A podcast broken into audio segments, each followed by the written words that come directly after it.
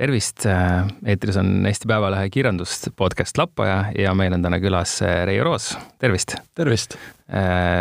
kolmekümne teise keskkooli gümnasist ja luuletaja. just nii. tutvustasin õigesti sind? jaa, täpselt nii on nii, kõige, ma ei tea, kas kõige põnevam, aga vähemalt üks äh, asi, mida sa viimasel ajal oled teinud ja millega sa oled silma paistnud, on luulekogu, mis ilmus siis eelmise aasta lõpus jaa, seda küll, kuigi seal sees on kirjas, et see on kahe tuhande kahekümne esimese aasta. jah, tõesti, aga kas ilmus eelmise aasta lõpus vist on ju? jaa, see ilmus eelmise aasta lõpus jah okay.. see on see, see on selline marketing tipp, vaata ah,. Okay. et see on tegelikult selle aasta luulekogu põhimõtteliselt okay.. ametlikult. ametlikult, okei okay.. ja Sinisild, Sinisilda, siis kakskeelne luulekogu soome ja eesti keeles, et äh, võib-olla ennem kui sa räägid sellest, siis äh, räägi natuke enda taustast, et kuidas äh, sa oled ise, elad ka ju kahes keeles põhimõtteliselt, eks ju? jaa, ma elan tõesti kahes keeles, ma olen siis ikkagi eestlane, Eestis sündinud, kuid mu isapoolne suguvõsa ja kõik sealt on soomlased.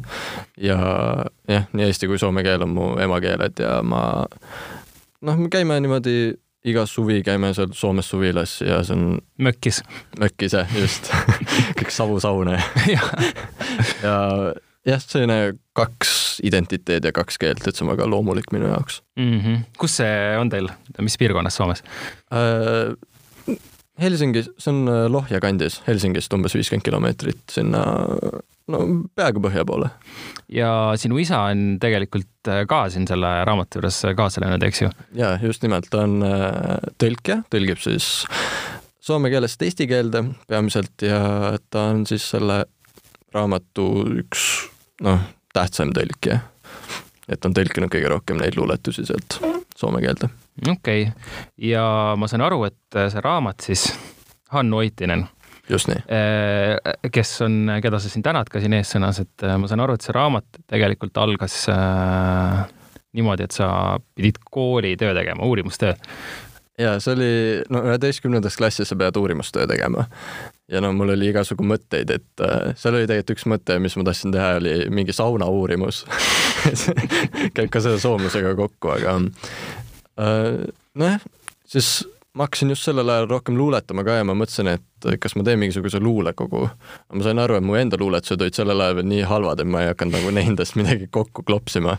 et ähm, siis ma mõtlesin, et ma teengi sellise antoloogia, kus ma võtan äh, Soome-teemalised luulet, luuletajad või luuletused kokku ja teen sellise raamatu ja jah, see uurimustöö oli selles mõttes väga hea nagu ajaline piirang, et sul oli nagu kindel see aeg, millal see pidigi valmis olema. et kui poleks seda uurimustööd olnud, siis võib-olla ma ei tea, kas seda raamatut oleks tänapäeval, täna olemas nii et suur tänu sinu äh, eesti keele kirjanduse õpetajale. ja, ja kõigile retsensendile ja kõik, kes seal kaasas on mm. -hmm. jah, et ilma ajalise piirita ei oleks äh, seda võib-olla trükki läinud. jah, täpselt. ja kui kaua sul läks selle tegemiseks? No ma alustasin, mis see oli nüüd, kaks tuhat üheksateist lõpus ja no tegelikult all aasta, kaks tuhat kakskümmend lõpus ta tuli välja. no niimoodi ränka tööd ta vajas mingi pool aastat mm. -hmm. et äh, no suve veetsid, suve veetsid raamatusse, raamatutesse süvenenud? tegelikult jaa, oli küll, et äh, mind enda, ennast ka üllatas, et kui palju seda tööd seal taga on nagu ühe raamatu tegemise taga eriti sellise raamatu taga, kus ei ole isegi minu tekste otseselt. aga nagu ma pidin ikka pool, pool aastat, aasta aega nagu suurt vaeva nägema, et see valmis saada. aga mille järgi sa valisid luuletusi sinna ja mis allikad sul olid?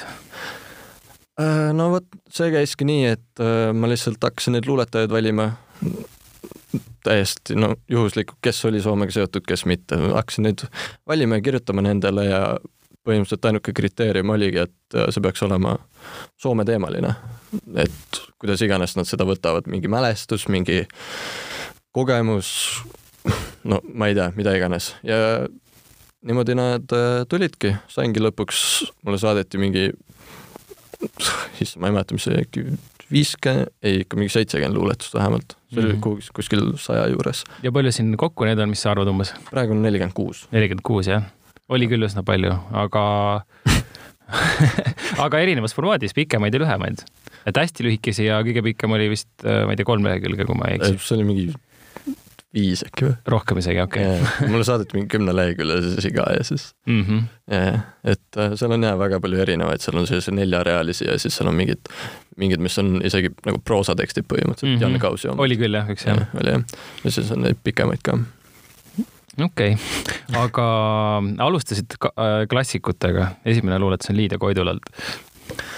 jaa, Liidia Koidula on selles mõttes väga tähtis isik sellel äh, Soome-Eesti, Eesti-Soome sillal, Soome sillal ja just selle, tal on see tsükkel, see Soome sild mm, -hmm. mis on siis kirjutatud sada viiskümmend aastat tagasi umbes ja ma võtsingi selle nagu selle raamatu, kuidas nüüd öelda, selleks talaks või mm -hmm. selgrooks mm. -hmm. et äh, seal on jah, et äh, algab ühe Liidia Koidula luuletusega, seal keskel on paar Liidia Koidula luuletust ja siis lõpus kõige viimane oli minu meelest ka Liidia Koidula luuletus. okei okay., ja kas äh, oli sul ka abilisi, kes sulle neid luuletusi, ma ei tea, kuidagi soovitasid selle töö käigus? no niimoodi sujuvalt ikka soovitati ähm, luuletajate enda poolt, et kui neil olid mingisugused luuletused meeles, et siis nad soovitasid küll, jah. et ma sain Juhan Viidingu mingisuguse luuletuse, sain soovituse kaudu. see küll kahjuks ei jõudnud siia raamatusse, aga näiteks see oli mm. -hmm. ja mõtlesin, lihtsalt tuli selline huvitav mõte, et samasuguse luulekogu võiks tegelikult ju ka teiselt poolt lahti nagu teha, et Soome luuletajad, kes on Eestist kirjutanud. see, see mõte on jah tegelikult olnud isegi, et äh, oleks lahe ju teha selline sinisilk kaks, vaata. et, et võtta Soome luuletajad kokku ja teha sama asi teistpidi, no võib-olla, võib-olla kunagi tuleb, ei tea, praegu ei ole plaanis, aga äkki kunagi või keegi teine võiks selle ka muidugi teha. Jah. Sina tegid juba nii suure töö ära. Ja just.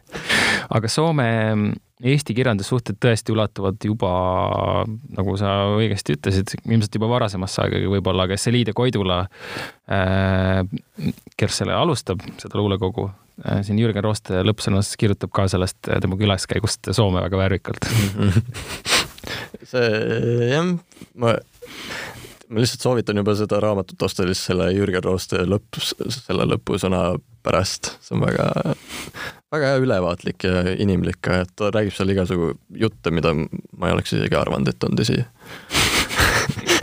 siin oli tõesti, tõesti päris palju lõbusaid asju, et detaile. ja, ja. aga, mm, aga jah, et see selles mõttes vahepeal see katkes, eks ju, see Eesti-Soome, ma ei tea, kirjanike vahetusega seitsmekümnendatel vist umbes läks edasi, ma saan aru, et president Kekkose külaskäigust alates sai hoogu, vähemalt see, mis, mis Rooste siin mainib. ja just nii oli jah, et noh, venelased tulid ja siis jäi natuke kinni ja saime vabaks, siis läks jälle kõik sama rada edasi. samas Gustav Suits leidis ju endale Soomest abikaasa, nii et jaa, tegelikult no neid Eesti-Soome armulugusid niimoodi on tegelikult päris, päris palju ja et ähm, no näiteks ähm, Miga Keränen, kes mm -hmm. on mhm. ka siin, tema, tema tuli ka, ma nüüd korra meenutan, kas ta tuli nüüd, et ta, ta tüdruk olevat vist öelnud ähm,, et kui ta oli mingi ülikooli minemas, et, et sa küll ei julge sinna Eestisse minna ja siis lihtsalt nagu põikpäisuses Miga tuli Tartusse õppima ja siis äh, jäigi siia, armus Eestisse ära ja nüüd ongi siin lastekirjanik muidu. jah, tean täiesti, Tartus, Tartus elab ja tema luuletus oli ka väga tore selles mõttes, et ta lõppes just niimoodi, kui ma ei eksi, et kaks Soome mina, mis tal on ja kolmas Eesti mina saavad kõik omavahel väga hästi läbi. jah, just, ma väga samastun sellega, et mingi mitu ident-, identiteeti ja sama teema mm,. jah, see on tänapäeval ju üsna tavaline, et elatakse mitmes riigis korraga, ma olen ise ka seda harrastanud ja noh, see on nagu sihuke huvitav huvitav viis, et mis see sinuga teeb. et sa siis defineeridki ennast ju näiteks siis kahe, ma ei tea, kaherahvuslisena või mis jaa, ikka, ma, kui keegi küsib, tahab mingi fun fact'i minu kohta kuulda, siis ma alati ütlen, ma olen pooleldi soomlane, poolsoomlane. kui keegi Soomes küsib, siis ma ütlen, et ma pooleks virolainen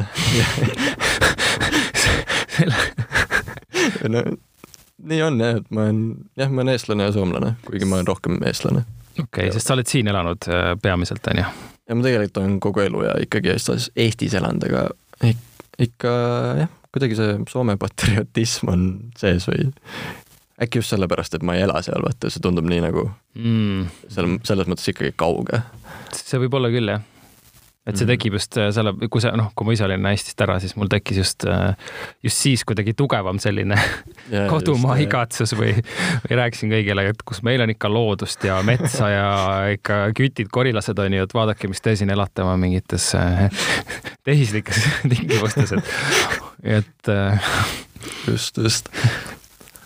jah, aga mm, Eesti, Eesti-Soome suhete juurde tagasi tulles, et äh, mm, mul lihtsalt tuli meelde, kui sa kirjeldasid seda mm, enda kahe identiteediga elamist, et siin on ka ühes luuletuses väga naljakalt see vahejuhtum kirjeldatud, et kuidas kirjanik läheb äh, sinna, kas see oligi Keranini luuletus, ma ei mäleta. et ta Aa, läheb on, põhja, põhja, see oli kus- kuskil, ma ei, sa võid ise sellest äkki rääkida, see linn, kus ta kohtub äh, mingite meestega, kes ütlevad talle, et mingi neetud äh, eesti kirjanik ja siis ta läheb nendega soome keeles rääkima. ja oli, see oli jah, Miga luuletus ka, mulle jäi ka meelde jah, et seal oli seda, seda, seda jah välja toodud, et soomlased on natuke ikkagi, vaatavad nagu eestlastele ülevalt alla. ja mis seal oli, et mingi, et teda on politsei võtnud vahele sellepärast, et mm. -hmm. tal on Eesti numbrimärk ja, ja seda Vidun Virolainen, seda on ka tulnud seal välja ja see, see on ka muidugi põnev, et miks, noh, tegelikult see on nagu arusaadav, miks soomlased vaatavad meie poole alla Mm -hmm. ja siis meie vaatame neid kui rohkem pigem nagu eeskujudena. Mm -hmm. see on jah ajalooliselt niimoodi tekkinud, eks ju. jällegi, aga samas äh, nojah, see on paraku alati, kui laiemaks tõmmata see teema nende võõrtöölistega, ükskõik mis riigis äh,. olen ise seda ka kogenud, olles olnud äh, see võõrtööline et äh, sind lihtsalt koheldakse niimoodi, kahjuks küll jah, et nii just on jah.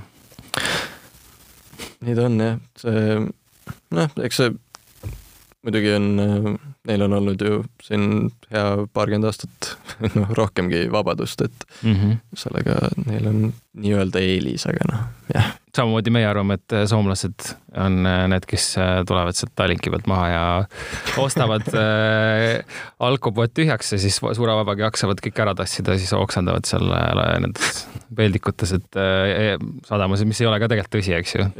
see, kusjuures ma tegin selle uurimustöö käigus ühe küsitluse ka, kus oli umbes tuhat kakssada vastajat Eesti koolidest, et mida nad soomlastest arvavad ja see läks nagu nii konkreetselt, need arvamused lähevad kaheks, et pooled vaatavad üles soomlaste poole, et Mhm. et nad on selline Skandi-, Skandinaavia riik, kuhu me nagu tahaks ka eestlastena jõuda mm. -hmm. siis teised näevadki, et aa, need on need lärmakad joodikud, lihtsalt tulevad ja ostavad kõik meie alko ära ja siis lähevad karjuvad seal enda kuradi trammis ja nagu see on jah, põnev psühholoogia. Jah, ma ütlen, see inimestel on äh, ikka see isiklik kokkupuude, et kui sa näed mingit asja, ühe korra oled näinud oma silmaga, siis nii ongi, vaata. ja just. ja see laieneb absoluutselt kõigele. ja sa näed ühte soomlast ja siis kõik viis miljonit soomlast on sellised jah see on nagu väga naljakas äh, nagu üldistus ja mis tehakse mm. -hmm. mm,. aga kui rääkida veel luuletustest ja, ja sellest sillast, siis ähm, mõtlen, et äh, mis äh, võib, kas, kas oskad nimetada mingeid äh, Soome luuletajaid, kes näiteks sulle meeldivad? Või üldse, kui sinust endast rääkida, sa kirjutad ka luuletusi ju, siis äh, kes on sulle olnud näiteks eeskujudeks, kui sa alustasid? Soome luuletajad on väga hea küsimus, kuna ma ei ole väga palju Soome luuletusigi lugenud üllataval kombel, aga mulle endale on, no ma loen, ma olen rohkem kursis ikkagi Eesti luulega. Ja mulle, ma olen praegu selles olukorras, kus mul ei ole mingit kindlat iidolit või kedagi, kelle järgi ma teen, vaid mul on selline, ma tavaliselt teen niimoodi, et ma võtan luulekogu, loen läbi ja siis ma kuidagi, ma kirjutan vähemalt ühe luuletuse nagu selle inimese stiiliga, Mm. mis on, seda on väga põnev katsetada, et teha niimoodi. mul ei ole mingit kindlat ühte, vaid ma võtan kõigilt mingit snitti praegu, et ma nagu arendan seda enda stiili veel. et see tuleb vaikselt. Kas see pole mitte ka nii, et kui, et kui sa läbi loed mingi raamatu, ükskõik kas luulekogu või ka, või ka mingi proosateose, siis minu meelest ongi, ongi niimoodi, et see, et see jääb nagu mõneks ajaks sinuga, et kui sa lõpetad, ma olen ise seda avastanud, et kui ma hakkan midagi kirjutama pärast seda, Yeah. siis äh, millegipärast on see äkki sellises stiilis. et ma, kui sa lugesid viimasel ajal mingeid kriminaalromaane, mida ma tegelikult väga üldse ei loe, aga noh, oletame siis vaatad oma järgmist tekstilõiku, mis sa oled kirja pannud ja siis vaatad, et see on mingis sellises stiilis on ju, et mingi tüüp hiilib kuskil heki taga ja kuuvalgus langeb sealt ja ja noh. mul ongi, ma just lugesin viimasena Tõnis Vilju seda tundekasvatust, mis sai siis selle Kulka preemia ka ja tal on hästi selline mm, proosalik äh, luule Mm -hmm. ja nüüd mul ongi viimased mingi nädal aega, ma olen kirjutanud sellist peaaegu proosateksti, sest väga nagu sisutäit nagu, et see on igas lauses on mingi nagu väga suur tähendus on sees. ma olen kirjutanud sellist luulet viimasel ajal.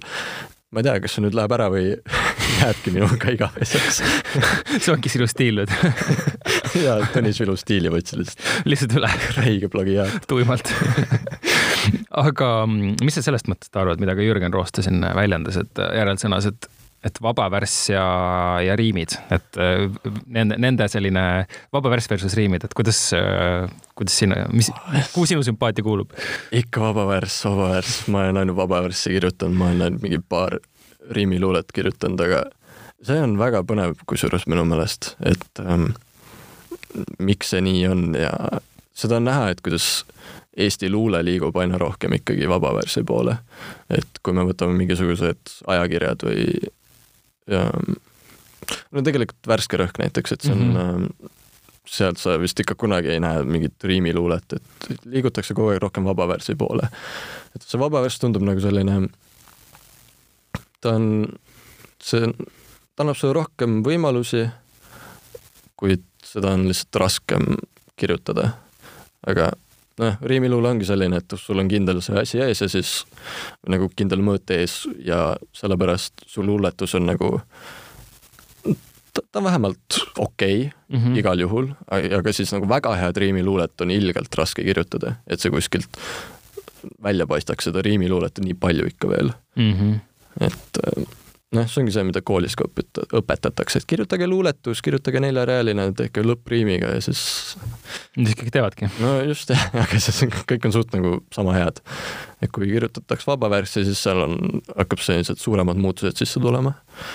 et jah, rohkem vabadust jah. et sa arvad, et on raskem vabavärssi kirjutada uh,? see, see on hea küsimus mulle tundus, et sa niimoodi mõtlesid, aga noh, tegelikult nii on nagu mulle endale tundub, et niimoodi on yeah. raske nagu öelda, et vabavärss selles mõttes jah, ta annab sulle suurema vabaduse, samas ja mingis mõttes nagu see riim paneb sulle piirid peale, samas nende piiride sees toimetamine jah, ühelt poolt kerge, teiselt poolt raske, maitse asi. just, täpselt, et jaa, ma arvan küll, et vabavärss on selles mõttes raskem, aga kui sa sellega hakkama saad, siis mm -hmm. see mhm. nagu äh, tasub ennast kuhjaga tagasi ja siin kogumikus ka tegelikult suurem osa luuletustest on vabavärsilised. jah, just nimelt, seal ongi liide omad on vist no mõned. kontra ka pani on ikka riimi omad. ja, ja, ja no selles jah, kontral on selline väga kindel stiil ka mm. -hmm. jah, riimiga, riim, vot jah, kontra on selline hea näide heast mm -hmm. riimiluulest, vaata. et ähm, see ei tähenda, et riimiluule kõik halb on, vaid see peabki lihtsalt hea olema, et mm -hmm. silma paistma. nõus, aga kas äh, aga mingid teised luulet-, luuletajad, keda sa viimasel ajal oled lugenud või, või kes sulle üldse meeldivad kogu, noh, kogu maailmast, ei pea olema ainult Eesti või Soome? no viimasel ajal, mis mul on silma jäänud, on äh, Lawrence Ferlinghetti, see mm -hmm. tuli just äh, välja eesti keeles mm. -hmm.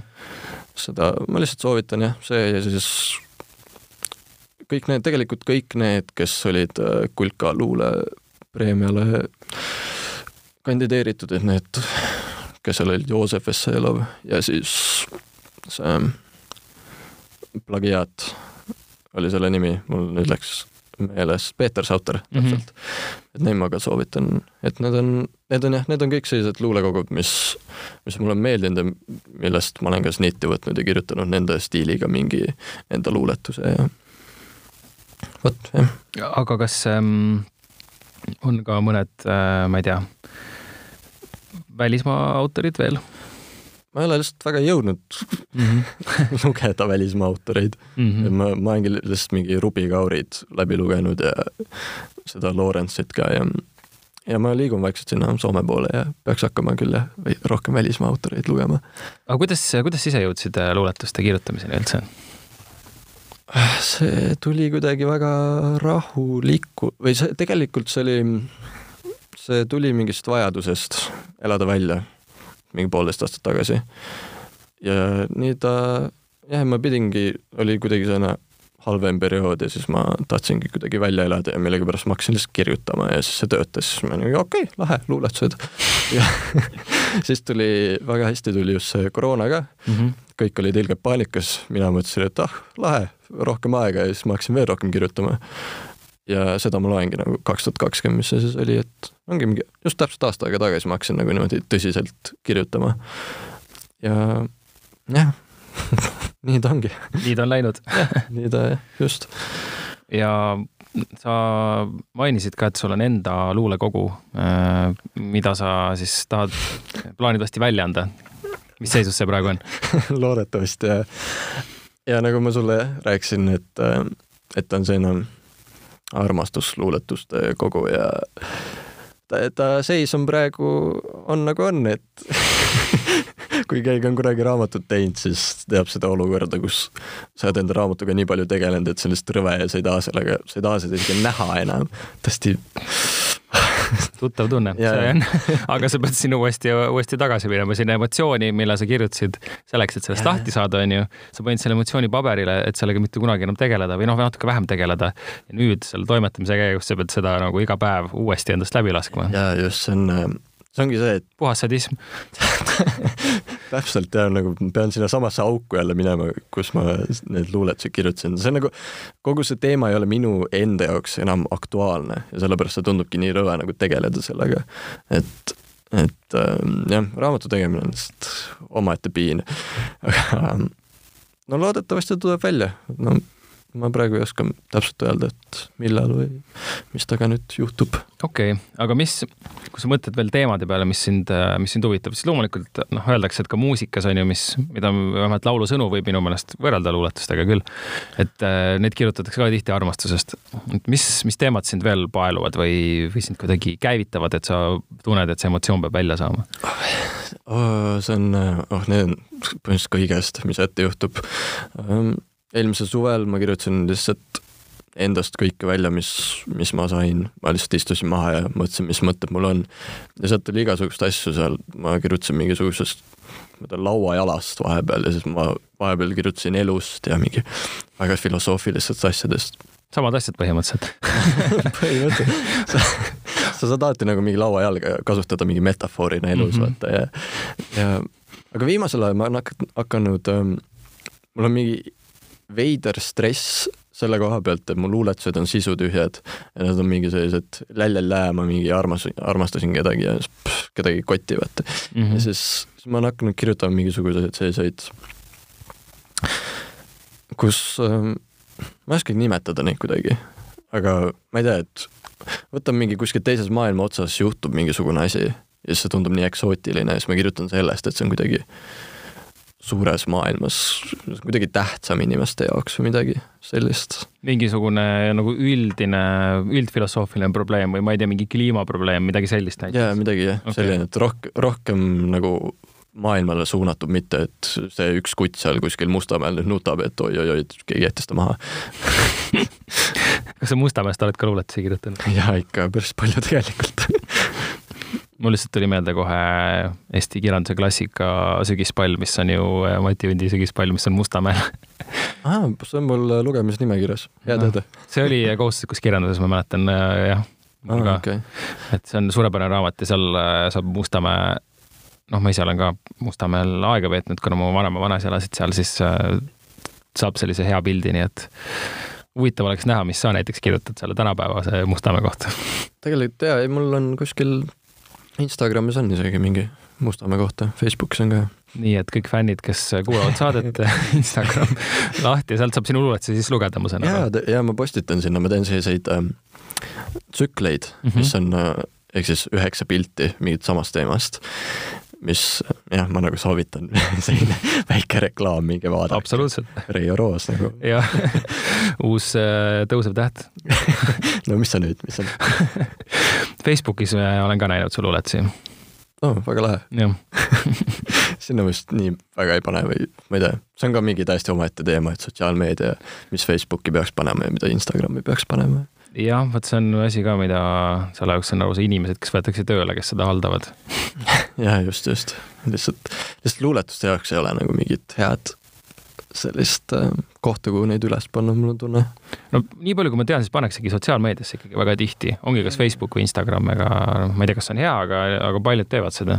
seda jah, lihtsalt Facebook ei ole mõeldud ins- nagu luuletuste jaoks või noh, see on rohkem selline arutelu koht jah ja Instagram sinna sa pead nagu mingisuguse taustaga veel panema. mm. -hmm. nagu need ei ole täpselt see, mida oleks vaja mingi luuletuste, et, et mingi platvorm võiks olla jaa, just selline platvorm võiks olla, mm. -hmm. aga seda ei ole praegu.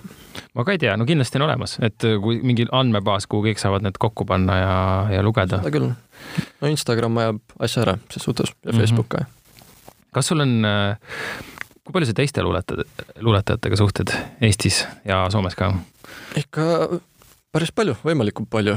praegu kahjuks koroona ajal ei saa, aga see Sinisild oli väga hea äh, see projekt selles mõttes, et ma sain tutvuda väga paljude Eesti luuletajatega ja see on mm -hmm. olnud suur au minu jaoks ka ja ma selles mõttes väga aktiivselt otsin ka nagu teisi omavanulisi, omaealisi, kes kirjutavad Mm -hmm. Neid väga palju ei ole, aga mõned on, nii et eks ma üritan suhelda võimalikult palju. et kui sa, enne kui sa mm, seda kogu hakkasid koostama, siis sa ei olnud nii-öelda luulemaastikule sisenenud veel. ja ei, siis keegi ei teadnud, kes ma veel olen. ainuke asi, mis ma saingi öelda, et ma olen selle Hannu Ottineni poeg, vaata.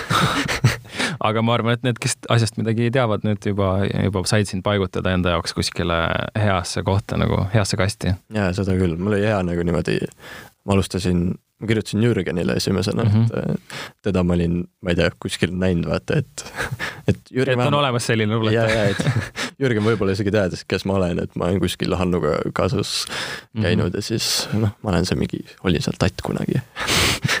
ah, sa oled see, see tatt. ei, kõik ütlevad, et aa, ma nägin sind viimane kord siis, kui sa olid nagu lauajala pikkune, vaata. seesama oluline kujund sinu elus. jah, täpselt. jah. Aga siis on, siis on hea, et kas, kui sa mm,, kui sa, kui me neid autoreid veel siin vaatame mm. -hmm. siis ähm, siin nagu tõesti kõiki klassikutest kuni tänapäeva tuntud, tuntud luuletajateni. see ainuke klassik on seal Liide, kõik teised on täitsa elus ja seda küll jah. Jah, jah, sul on õigus. Mitte võib-olla nii, nii päris ei saa öelda, aga lihtsalt ma mõtlesin vist seda, et äh, nagu nooremaid ja, ja ka natukene vanemaid, et äh, sa oled nagu valinud väga sellise laia paleti lu- luuletajaid. jaa, see, issand, see algne idee oli veel laiem, et ma panen sinna enda lu-, enda luuletusi ja siis ma küsin põhimõtteliselt igalt inimeselt, kes üldse luuletab, et võib-olla enda sõprade omasid ja siis võib-olla küsin Jürgenilt ka, aga siis tuli välja, et äh, need suuremad nimed olid kõik nagu nõus tegema ja siis ma mõtlesin, aa, ma siis teen ainult nagu nende tähtsate luuletajatega ja no kuidagi läks sujuvalt niimoodi, et seal nüüd on natuke nooremaid, keda võib-olla ei tunta nii palju ja siis on neid väga tuntuid Karl Martineid ja igasugu Jürgeneid Need olid siin kõik olemas jah. ja seda küll. aga väga, noh, kui neid luuletusi vaadata, siis väga sellised, ma ütleks, et pigem sellises äh,, mitte küll, ma ei taha öelda, et oleksid jäänud nagu tähelepanu suunamata nendele eluprobleemidele või tumedamale poolele, aga pigem ma ütleks, et sellises positiivses laadis on kogu see kogu. jaa, ma, tegelikult seda ma ei ole teadlikult mõelnud, et kas see tuleb positiivne või mis selle, selline vibe on, aga see on, see on jah huvitav küsimus. võib-olla mulle lihtsalt saadeti nagu ainult positiivseid luuletusi, ma ei tea. võib-olla lihtsalt need autorid äh, nagu nägid neid Soome, noh, mis, mis äh, see sinisild on selles mõttes äh, kena kujund ja ma ei tea, sini, sinilind tuleb mul kohe järgmiseks pähe, mis ta on, eks ju, igatsus ja kõik need mm, luuletused olid minu meelest natuke sellise igatsuse teemadel, et, et Soome on ikkagi täpselt nagu ka Jürgen Roostemaa lõppsõnas alustab, et see on selline müütiline mingi selline ilus, ilus kujund, kauge maa kuskil vaata. just, mida sa nagu kunagi kätte ei saa. jah, just. täpselt, ja, ja võib-olla, ja võib-olla sellepärast see ongi nii positiivne, vaata, keegi küsib su käest, et kirjutan üks Soome teemaline luuletus, siis sa ei hakka nagu Soomet mingi maha laitma. ma ei. pigem äh, ikka, jah. Olles, ma usun ka ja ma olles ise mitte küll äh, nagu mitte luuletaja absoluutselt, aga kui, kui ma peaks seda tegema, siis ma ei, ma ei kujuta ette, et ma midagi halba tahaks öelda küll, jah. jah. Soome tänab. Soome tänab, jah. kiidus kiidus. aga mm, kui kui võtta veel, kui ma tahtsin, tahtsingi siit algusest vaadata, mis, mis need Jürgen Rooste täpselt senaatorid Soome kohta on. vaata, vaata. Soome on mulje ja mälestus. Soome on nagu põnev raamat, selline, mida ei raatsi lõpuni lugeda ja mida õnneks ei saa lõpuni lugeda. nagu võluraamatus tekib lehekülgi aina juurde ja juurde. Soome oli ja on vabaduse lõhnaga, see tõukas ja innustas, selle olemasolu tegi selgeks, nii teravalt selgeks, et on olemas vaba maailm. järelikult on, mille pärast seista ja võidelda selline algus see kõlab palju ilusamalt, kui keegi teine seda loeb. See on, see on jälle see, ma olen lugenud seda mingi sada korda läbi ja see muutub tuimaks mu jaoks, aga see on päris, päris hea raamat. see on, tõesti on, ma olen ise, kuna ma selle just läbi lugesin, siis ma võin öelda, et on. aitäh. värskelt, et läks hästi, su kodutöö ma loodan, et sa said hea hinde sellest ka. Äh, meil on äh, tegelikult kaitsmine tuleb alles mingi poole kuu pärast. aa, nii et äh, oled juba, teos on väljas, on ju nüüd juba, ma ei tea, kaks-kolm kuud on ju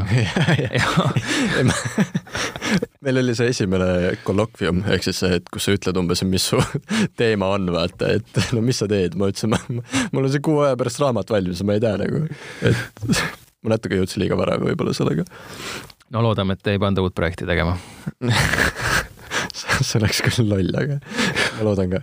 üsnagi, aga jah, aga sama asi, mis, mis see igatsuse teema, vaata sa ise mainisid ka, et ähm, Soome on sind ikkagi kuidagi lapsepõlvest saatnud, et, et paljudel, paljudel autoritel siin näiteks no jällegi Roostase Järvesenas, ta räägib äh, koomiksitest soomekeelsetest oh,, mis ta hakkas lugema. et äh, kui sa meenutad enda mingeid lapsepõlve nagu hästi varaseid kirjandusmälestusi, võivad olla nii Eesti kui Soome omad, kas sa saaksid midagi näiteks tuua? akuanka nagu see, kogu mu lapsepõlv oli lihtsalt akuanka. ehk siis Mikki Hiir soome keeles, kes ei tea, meil on piilupartoonad soome keeles mm. -hmm. ja no ma sain reaalselt enda mingisuguse sõnavara juba sealt ja kogu mingid, nagu ma tean Kalevalast ja igasugustest teistes sündmustes ainult Agu-Anka kaudu, sest seal käsitletakse ka neid ja ma, ma mingi Agu Anka fänn ja ma hakkasin neid korjama ka ja mul on mingi kolm tuhat tükki neid kokku ja mul on mingi sest äh, Soomes on nendes kirbukates on alati neid mm -hmm. Agu Ankasid on mingi üliodavalt ja siis sealt saab otsida neid vanemaid, mingi kõige vanem on mingi tuhat üheksasada kuuskümmend kuus. ehk siis see on nagu wow., see on juba võib-olla üle kümne euro väärt, vaata see midagi väärt. et jaa, suur Agu Anka fänn ma olen küll, jah. mina lugesin ka lapsena, kui need tulid eesti keeles, see oli ikkagi fantastiline, see oli mul tellitud ja ma lihtsalt lugesin kohe läbi, kui see jõudis. see eestikeelne, see Mikki Hiir on nii teine vibe, aga. on jah? jaa, täiega, neil on, need on väga erinevad minu meelest mm,. no mis need erinevused on seal? esit-, no Eestis on üldse kogu Mikki Hiire kultuur on palju väiksem või nagu see tuleb vist kord kuus ka ainult mm, -hmm. Soomes tuleb kord nädalas. ja seal on mingi, mul on selline tunne, nagu Eestis on nagu mingi, seal on kuidagi samasugune, kuidagi lakooniline ja see stiil on samasugune. aga Soomes on väga palju seda, et kes selle on joonistanud, see on hästi see mingi Don Rosad ja Karl Parksid ja igasugused no mul, kõigil on, kui nad loevad Agu Anka, neil on need enda mingi lemmikjoonistajaga ja lemmikstiil, et see on, see kultuuri erinevus on tohutu tegelikult mm. -hmm jah, see, ma mõtlesin, kui me räägime praegu äh, Miki Hiirest või Jagu Ankast, et kas, kas, äh, kuidas on äh, Muumi lugudega ja Tove Jansseniga ma just pean kahetsusega tunnistama, et mitte väga hästi ah,. Okay.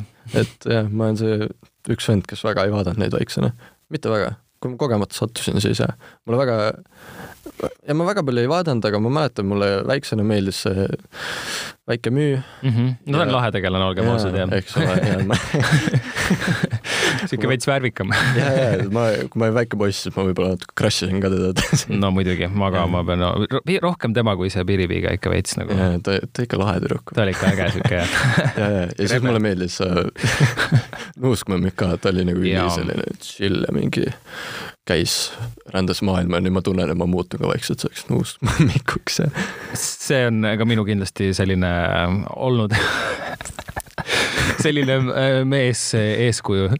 no siis ta on chill ja ta rändab ja kogub kogemusi, täpselt nagu iga inimene peaks tegema tegelikult. ja just, et tal on nagu suhteliselt ükskõik sellest, mida keegi teine ka arvab. Väga lahe vend. väga lahe vend ja väga hea, meil on sarnased eeskujud olnud siis, noh nii palju, kui sa vaatasid Muumisid. Ja, ja ei. Ma vaatasin, ma lihtsalt mäletan, et kui ma seda raamatut esimest korda lugesin, siis see oli väga nagu hirmutav nende multifilmide kõrval, mis olid nii lõbusad. kas sa mõtled see hilja novembris või? Muumi raamat, see esimene ja see, kus ta algab selle stseeniga, kus muumitroll on üksinda, ärkab üles seal talvel, teised magavad ja siis ta läheb vist välja sealt majast ja ta oli väga õudne. Okei. See vist, on hilja novembris. vist jah, vist küll jah. ma just pean seda lugema kohe, nii et. ja minu esimene raamat, mida ma üldse lapsena lugesin, oli Saba täht, nii et äh, ma ei tea, mida see minuga tegi, aga kõige esimene, esimese raamatu jaoks ma ütleks, et see oli suht jõhker. Lihtsalt maailm hakkab hävima. Ma tunnen kaasa sulle aga mul oli ikka mingi Väike prints või nagu selline. oi jumal, minu mõttes Väike prints on üks raamat, mis mind pole kunagi nagu puudutanud, see on kuidagi oh, ma alati mõtlesin, et elu ei pea nii keeruline olema, et see on nagu nii sügav, et see võiks olla palju lihtsam, et mida ta jälle seal jaurab ja järgmise mingi planeedi peal, aga igalühel oma.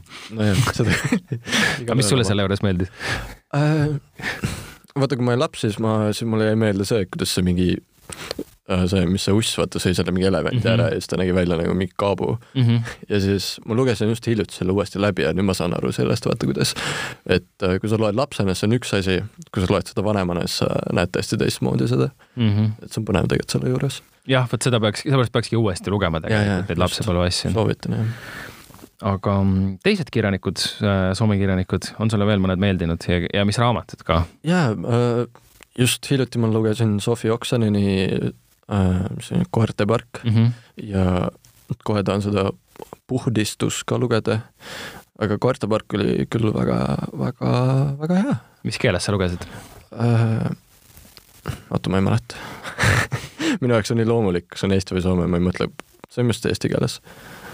jaa, see oli eesti keeles jah, aga jaa, Sofi kirjutab väga huvitavalt lihtsalt noh, lihtsalt soovitan ja nüüd ma loen äh, Tommy Kinnuneni. Viljandi mm. nelja tee rist, mis on eesti keeles ka. see on mul eesti keeles äh, selles lugemisvirnas, vaata, mis ei kahane ja läheb kogu aeg suuremaks. seal ootab, ootab see mind juba mõnda aega soovitan jah, huvitav on see, et ma ei tea, kas ma lihtsalt ise nagu olen kuidagi sattunud selliste teoste otsa või lihtsalt tundubki, et viimasel ajal on nii palju teoseid, kus kasutatakse kahte mingi ajanarratiivi samal ajal. või noh, et äh, vahepeal on mingi kaks tuhat kuus ja siis on kaks tuhat kuusteist ja siis ja. minnakse tagasi ja siis tullakse uuesti tulevikku ja mm. -hmm. tema teeb seda ka ju. jah ja., Tommi teeb ja Sofi teeb ka mm, -hmm. koertepargis on vähemalt. tõsi, et äh, rääkides ajanarratiividest ja minevikust, siis mul tuli kohe muidugi meelde minu lemmik Soome raamat äh,, kirjanik ja teos, ehk siis otse loomulikult Miga Valteri Sinu hää. ah jah, pakkusin jah. vot see, seda ma pean ka hakkama lugema. mul on see viga, et ma olen lihtsalt liiga noor, ma ei ole jõudnud kõike lugeda. aega on. ma olen see põhikoolis see laps, kes vihkas mingit kohustuslikku kirjandust. tõesti, ja nüüd oled jõudnud luuletamiseni? jaa, eks ole, see on huvitav, et kus me tuleme ja siis see, see nagu muutus nii kiiresti, mulle ei meeldinud kunagi lugeda. ja nüüd ma üritan kuidagi mingi ühe aastaga kogu mingi kirjanduse alusteosed kõik nagu endale selgeks teha, aga no sest ei jõua, sul on aega vaja. seda on küll vaja jah, lugemisega jah paljud ju ei, noh, lugemine on üldse üks asi, mille kohta paljud inimesed ütlevad, et ei jõua, aga minu meelest on naljakas see, et kui, et kui sa hakkad ükskord nagu lugema, siis mm. äh, avastad, et väga kiiresti hakkavad need minema, et kui sa tekitad selle harjumuse endale uuesti. ja, ja harjumus on jah väga tähtis, mul alles hiljuti tegelikult tuli see harjumus, et mingi hommikul tund aega lugeda, vot siis hakkasid nagu raamatud niimoodi uh-uh-uh nagu ära, ära minema mu listist. hommikul huvitav, ma just teen õhtul seda nagu, et saaks nagu aju maha ke kerida, aga noh, eks. noh, igalühel oma, ma ja. õhtul lihtsalt leian liiga palju vabandusi, et mitte lugeda jah, aga, aga veel mingid Soome kirjanikud, kas sa oled lugenud, ma ei tea, mul tulevad lihtsalt meelde mingid kirjanikud, keda ma olen lugenud veel, Jari Tervo, Kielvest mm,, uuematest. Vot äh, vot selle, see, me jõuamegi sinna, ma olen lihtsalt jõudnud lugeda. ega ma, ma ei ole, olen ka tegelikult vähe, vähe lugenud soome kirjanikke, ma pean tunnistama. mul see nimekiri on lihtsalt tohutu, mul lihtsalt tahaks kõike lugeda korraga. muidugi ja kõiki raamatuid tahaks lugeda. mul on üks väga hea raamat, mida ma soovitan ja ma ei ole ise seda veel jõudnud lugeda, aga kuidas rääkida raamatutest, mida ma ei ole lugenud? ja, ja, ja me just käsitlesime seda ühes tunnis ka, seda artiklit, mis oli sellest kirjutatud mm -hmm. värskesse rõhku, see oli, see oli väga põnev. mulle meeldis küll see mõte, et lihtsalt räägi mingisugust nagu täiesti vastandlikku iba ja siis, aga enesekindlalt, nii et kõik usuvad sind see töötab muidu ka ju nojah, just täpselt väga hea elutarkus, jah. kui ma ei eksi, siis äh, ma olen ainult eessõna sirvisin korraks, ma vaatasin sinna raamatusse sisse kodus ja minu meelest see mm, äh, autor on kirjandusprofessor või midagi sellist jah. Nii et jah, tuleb usku, nagu kui tema sellise nõuande annab, siis tuleb võtta seda nagu kuulda, ma arvan. jaa, ikka peaks jah, kindlasti võtma mm,. aga rääkides veel ähm, tahaks sinu enda luuletustest siis ähm, kuidas ähm,, kas sa arvad, et äh, sa ütlesid, et sa oled tegelenud sellega nii vähe aega, aga et, aga sa tunned, et see, et see jääb nagu sind saatma, et sa tahaksid sellega edasi tegeleda? Jaa, praegusel hetkel see on see, mis mulle meeldib, see on see mu kirg ja no ega ma ei tea, mida ma kahekümne aasta pärast teen, aga on väga tõenäoline, et see on tõesti luuletamine ja sa oled osalenud ka noh, enne kui siin koroona lubas, eks ju, luuleprõmmudel, siis Poetry Slami äh, nendel lugemistel. Mm, kas siis Tallinna voorudes tavaliselt? jaa, Tallinna voorudes küll kahes siis, nüüd ongi vist praegu kaks tükki on toimunud, kui ma ei eksi, ja siis on veel kaks tükki, võib-olla tulevad, ma ei tea, kuidas nad teevad räägi äh, võib-olla lähemalt inimesele, kes üldse ei tea, mis asi see on, mhm. äh, seleta lahti see kontseptsioon, et mis seal, mis seal yeah. võistlusel tehakse luuleslämm on äh, põhimõtteliselt noh, luulevõistlus, lähed sinna, vabatahtlikuna võid sinna eelvooru minna esinema, siis on seal kaks vooru. esimeses voorus loed kolm minutit enda luulet ja siis ähm, publiku seas tehakse viis laudkonda, kus, kes siis annavad hindeid. Ja see käibki niimoodi, et iga laudkond annab hinde siis sul on viis hinnet kokku, aga nendest võetakse kõige kõrgem ja kõige madalam ära, et vältida seda, et su sõbrad panevad sulle mingeid kümneid, et noh, et see oleks ausam. ja siis need kolm ülejäänud hinnet, mis seal keskel on, et need siis liidetakse kokku ja nii ongi, saad teise vooru, siis on kaks minutit aega lugeda ja käib seesama süsteem, et saad hindeid ja siis liidetakse kõik need need äh, numbrid kokku ja siis niimoodi need võitjad äh, tulevadki, selguvadki. kas äh, ma olen ka sellist asja lugenud või kuulnud, et, et ka publiku aplausi järgi määratakse võitjaid ei, no mina niimoodi ei tea, aga selles mõttes publiku aplaus ja publiku üldse nagu luulet esitada, seal on väga tähtis see, et mida publik teeb ja kuidas nad reageerivad, et sa saad ise ka aru, et kas sul on hea luuletus või mitte, et kui hästi sul läheb, et sa võid seda natuke ennustada. Ma arvan, et see nõuab tegelikult ikkagi äh, julgust, et üks asi on kodus sahtlisse kirjutada, onju, see on nii isiklik asi ka luuletus, sa lähed sinna lavale ja sa pead, noh, see ei ole ju ainult see, et sa loed ette selle teksti, sa pead seda tegema emotsiooniga, mis peaks kohale jõudma siis nendele vaatajatele. ja, ja selles mõttes ja see luuletuste kirjutamine ja luuletuste esitamine on kaks nagu nii erinevat asja, et äh, no ongi inimesi, kes kirjutavad kümme aastat sahtlisse ja siis esimest korda alles kuskil underground baaris kuskil esitavad seda ja siis nii see, no kuskil peab igaüks esitama või alustama, tähendab, ja no ta ongi, et no see esitatav luule on ikka väga erinev, et sa ei saa mingit, kui sul on hästi mingi sisu sisu täis mingi luuletus, selline lühikene, siis seda on nagu halb näiteks esitada mm, -hmm. sest no inimesed ei jõua sinuga kaasa mõelda, nad tahaks seda lugeda ja siis lugeda võib-olla üle ka veel. et äh, kui kui sa esitad, siis reeglina see luule on nagu proosalikum või selline vabamas vormis mm. -hmm. et sa paned sinna igasugu sidesõnu ja tegusõnu vahele veel. Kas sa valmistad äh, ette luuletused äh, nendeks spetsiaalselt nendeks äh, võistlusteks või sul on pigem mingi kogu, kust sa siis oled nagu võtnud lihtsalt? mul on kogu ja ma, mul on üks fail, kuhu ma panen kõik enda asjad, mida ma olen kirjutanud ja siis sealt ma valingi sellised, mis on nagu, mida on üldse võimalik esitada ja siis võtan need ja harjutan ja muudan neid päris palju niimoodi, et nad oleks sellised esitatavad, et nad ei oleks lihtsalt no sellised kuivad, et see läheks loomulikult, et kui sa loed neid mm. -hmm. Mm -hmm. ja kirjutad tavaliselt paberipastakaga või meeldib sulle arvutis kirjutada rohkem? paberipastakaga ikka, sest äh, see on äh, palju inimlikum minu meelest või sa näed neid vigu ja sa pead kõike mingi maha tõmbama ja siis pärast see näeb palju huvitavam välja kui see, et sul on kuskilt elos on mingisugune asi ja sa ei, sa ei näe nagu, et äh, mida sa oled pidanud ära kustutama ja kõike seda, et ta, ta on nii mehaali-, mehaaniline see on jah päris huvitav, et ja ma telefoni jätsin hästi välja, sa sinna kirjutada luuletusi tegelikult ah, tehakse jah, ka ju. sinna on kõige mugavam selles suhtes, ega arvutisse ka põhimõtteliselt saab mm. -hmm. aga neist võistlustest rääkides, siis kuidas sul läinud on kui no, tohib küsida ja ikka võib. no nüüd ongi kaks eelvooru olnud, esimeses ma no, ma sain teise vooru ja siis ma sain, jäin mingi neljandaks, nii et ma ei saanud edasi ja siis teises eelvoorus ma sain teise koha lõpuks, nii et nüüd ma olen äh, Tallinna finaalis, mis toimub mais, ma väga loodan, et see toimub. ja kus see toimub? kus, kust ma seda tean okay. ei, see on äh, Koplis, ma arvan, et see on sealsamas. kas see oli Potikus oli eelmine ka? jah, Potik jah, just ja. täpselt see koht. ja Tartus ja Pärnus, eks ju, toimuvad ka needsamad äh, noh, sama, toimub sama formaat, aga ja. teised luuletajad. jah, seal on jah, kohalikud inimesed, Tartus on väga populaarne mm, -hmm. Pärnus ma ei tea, kui palju seal on. et jah, ja siis, siis on üldse noorte luulepromm on ka veel eraldi ja seal mm, -hmm. seal, aga see on palju väiksem. seal sa ei ole osalenud? Olen, kusjuures ähm, Tallinna eelvoorus oli. sellega oli esiteks see lugu, et ma tahtsin minna millegipärast Tartu eelvooru ma ei, kuulge, kas ma võin tulla sinna? siis nad mingi ei. siis ma mingi okei okay,, aga siis nad küsisid, kas tahad mulle žüriisse tulla. siis ma mingi okei okay,, ma tulen teile žüriisse, siis ma olin seal žüriis lihtsalt, täiesti suvaliselt.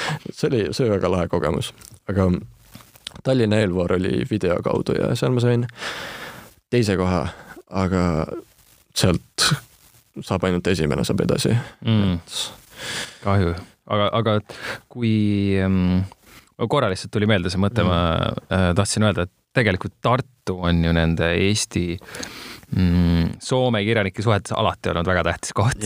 On... Teino Leino juba, kes, kui käis juba Tartus kahekümnendatel, et siis noh, sada aastat tagasi nüüd juba mm, -hmm. et mhm. siis äh, sellest ajast alates on vist, ma olen aru saanud, et Tartu kuidagi eriliselt soe ja, ja tähtis koht Soome kirjanike jaoks. jaa, täpselt, seal on ju Soome Instituudi raamatukogu on ka seal. mind ikka veel üllatab, miks Tallinnas sellist asja ei ole aga Tartus on. mis on kaugemal, on ju. jah, eks ole, täpselt. muidugi lahe, et noh, soomlased lähevad siit sinna ja, ja jah, noh, seal on Heidi Ivar ja mm -hmm. Miga Keränen ja igasuguseid tähtsaid soomlasi on just sinna paigutunud ja tead, ma tahaks ka teada, miks see, miks see nii on läinud ei tea jah, seda on kuidagi edendatud vist juba noh, pikka aega, eks ju. üldse nagu Tartu on väga selline kultuuririnn, kultuurilinn, et seal on sama palju kultuuri kui Tallinnas minu meelest. absoluutselt. kuigi ta on poole väiksem. olen seal ise olnud ülikoolis ja ka muidu väga palju käinud, et ma kinnit-, võin kinnitada et see on hea, et meil on kaks keskust ja isegi vist mm,, hea küsimus äh,, Tartusse on võib-olla isegi natuke pikem tee kui Helsingisse. jaa, ikka on, Helsingisse on kaheksakümmend kilta ja, ja. Tartusse on ikka mingi teistsada mm. -hmm. isegi rongiga nüüd on kaks tundi, jah mis on päris hea. kaks pool jah, jah. see on päris, päris mõnus mm,. aga tulles tagasi äh, nende võistluste juurde, siis äh, kas see on tegelikult Eestis ju võrdlemisi, no nüüd enam ei ole tegelikult nii uus ka, nüüd on see ikka mingi kakskümmend aastat juba toimunud, äkki? seda ma küll ei tea, ma pole okay. isegi kakskümmend aastat elanud et äh, ja kindlasti keegi äh, teab seda paremini ka kui mina, aga, aga, aga see, see tundub selline ma ei tea, lahe, lahe formaat, et ma loodan, et see et see, et see läheb edasi jah, kui see koroona värk jaa, ma loodan ka. selles mõttes ta on väga mugav ka, et igaüks saab sinna minna ja esitada oma luulet ja noh, sa ei pea isegi slämmile minema, et neid tegelikult igasugu asju toimub igakuiselt Tallinnas mingisuguseid väikseid üritusi. Kõvn on näiteks üks selline, et mm -hmm. iga kuu viimasel neljapäeval saavad inimesed kokku ja kuskil baaris ja lähed ja lihtsalt täiesti vabalt võid minna ja esitada oma luulet või laulu või mida iganes, et. olen kuulnud sellest ja, ja proosateost, mis iganes tahad ja, ette lugeda. täiesti nagu, see on imeline koht, kust alustada oma mingit esinemist ja seal ongi, seal on väga see sõbralik vibe, et tulge ja lihtsalt pole hullu, kui te närveerite, et me kõik oleme selles olukorras olnud jah, aga nendest äh, mm, jah, kirjandusõhtutest äh, peab noh, on, läheb aega, enne kui uuesti saab, saab nendega vist jätkata.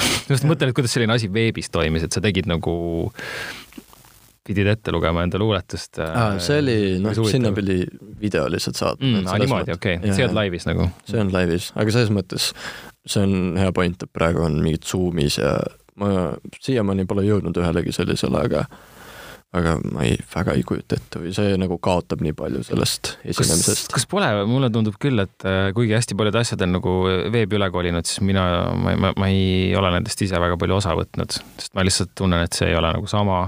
Võib-olla ma peaksin nagu toetama neid projekte ja kindlasti on see minust väga kohutav niimoodi mõelda, aga, aga see lihtsalt see ei noh, ei ole see. mul on täpselt sama, nagu ma kogu eelmise aasta nagu vältisin neid igasugu neti, netiasju, ma ei, ma ei tunne ennast nii buumerina niimoodi, aga et aga ta lihtsalt jah, ta ei ole sama, see on jah, tõesti ei ole sama kuidas üldse, sa ütlesid, mainisid, et on noori luuletajaid ka, kui sa vaatad nagu enda nii-öelda põlvkonnas ringi, onju, suumerid suumerid, buumerid, oota, kas mina olen, mina olen millennial, sest ma olen seal kuskil vahepeal. sina oled suumer, okei okay. mm -hmm. aastid peavad paigas olema piirid paika, jah? jah, piirid paika siis ähm, kuidas luuletuste lugemise ja kirjutamisega on äh, nagu nooremate seas?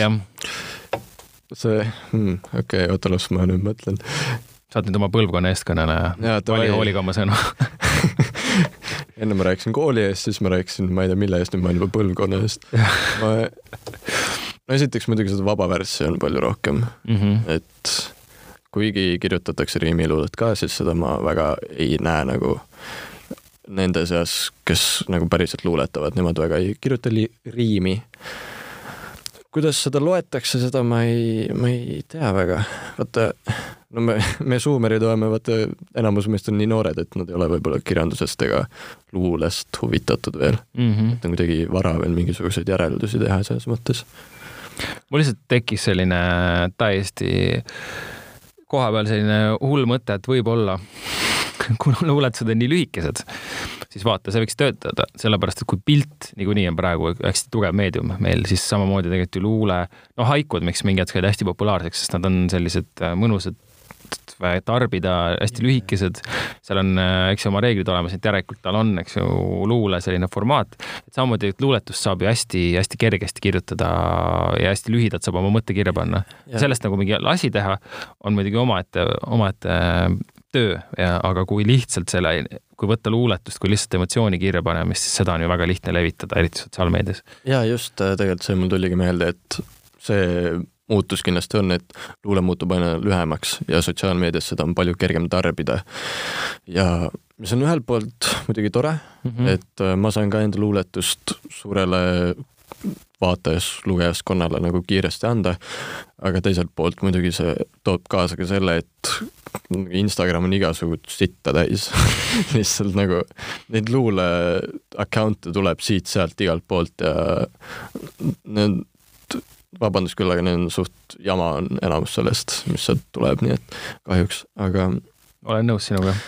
jaa no see ongi see dilemma mul on ka, et nagu Instagrami näiteks, sinna on väga hea panna mingeid lühikesi luuletusi ja need äh, töötavadki paremini, aga pikemaid luuletusi inimesed lihtsalt ei viitsi lugeda.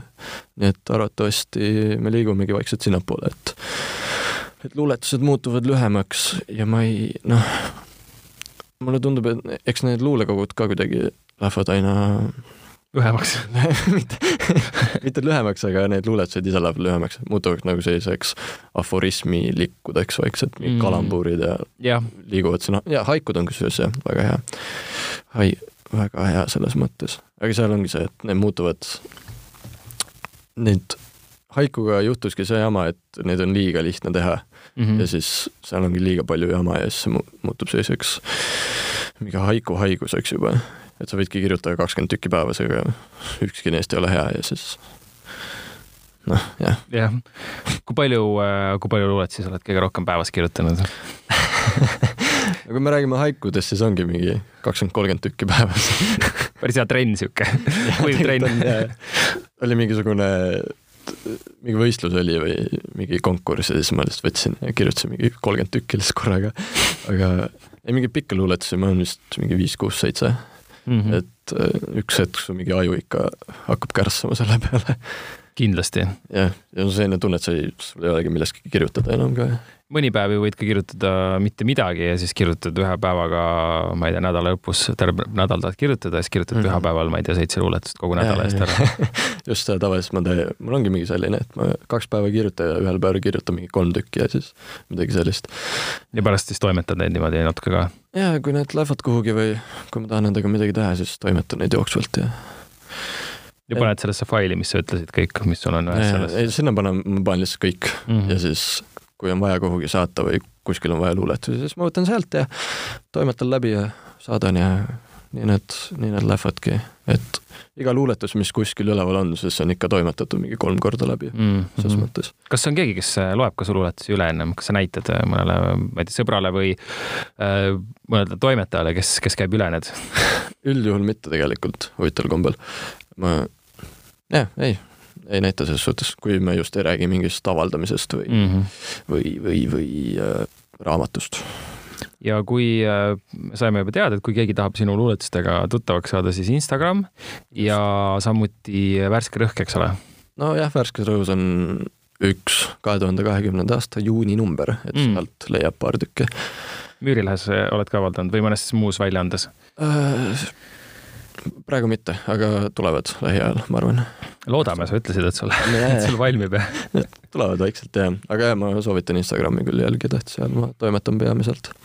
nojah, see ongi tegelikult seesama asi, mis sa välja tõid, et, et kahju, et et paljud neist ei ole väga head, võib-olla on ju üks nendest äh, luule, nagu luule kontodest, aga sama asi on tegelikult ju laiemalt iga teise kunstiliigiga, mulle paistab, et äh, kuna ühelt poolt on tore, eks ju, et kõik teevad midagi, sest et me kõik oleme loomingulised ja peamegi ennast loominguliselt väljendama ja see on väga hea ja kasulik ja tervislik, aga lihtsalt see kvaliteet paratamatult siis nagu kannatab, mida, mida tarbida võib, on ju, sama asi kehtib ka muusika kohta, kuna igaüks võib oma magamistoast muusikat teha, siis no mõni saab ka kuulsaks, on ju, Billie Eilish on äh,, teeb, kirjutab ka magamistoas oma vennaga lugusid ja võidab No Grammy'sid, aga ma ei ole kusjuures üldse tema muusikafänn, aga mulle väga äh, on huvitav, ma vaatasin seda dokki ja just oli huvitav jälgida seda tema teekonda.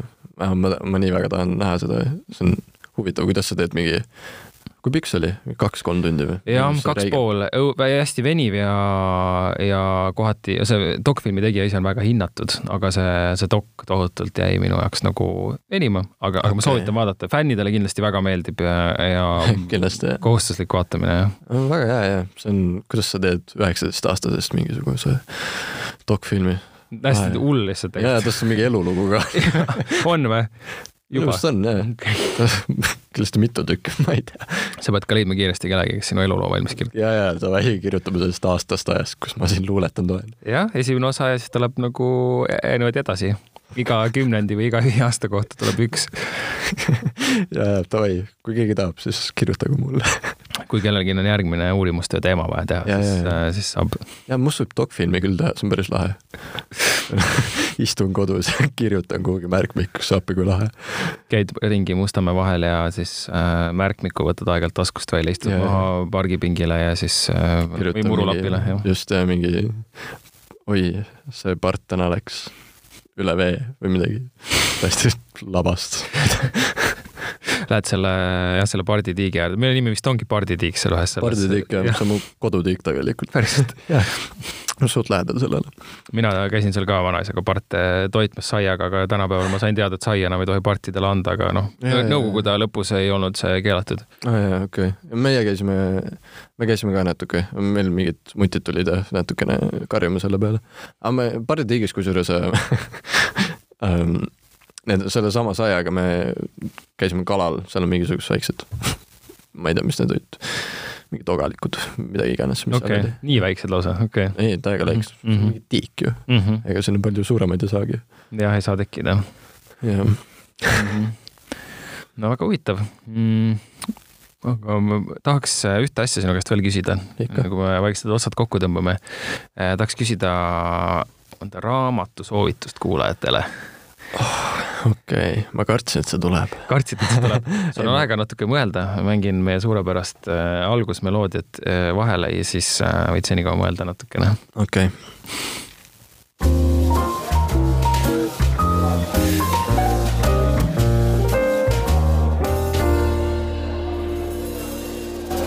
nii, me ei ole džässikohvikus endiselt, me oleme stuudios see oli väga pikk mõttepaus. Ehm, mul tuli meelde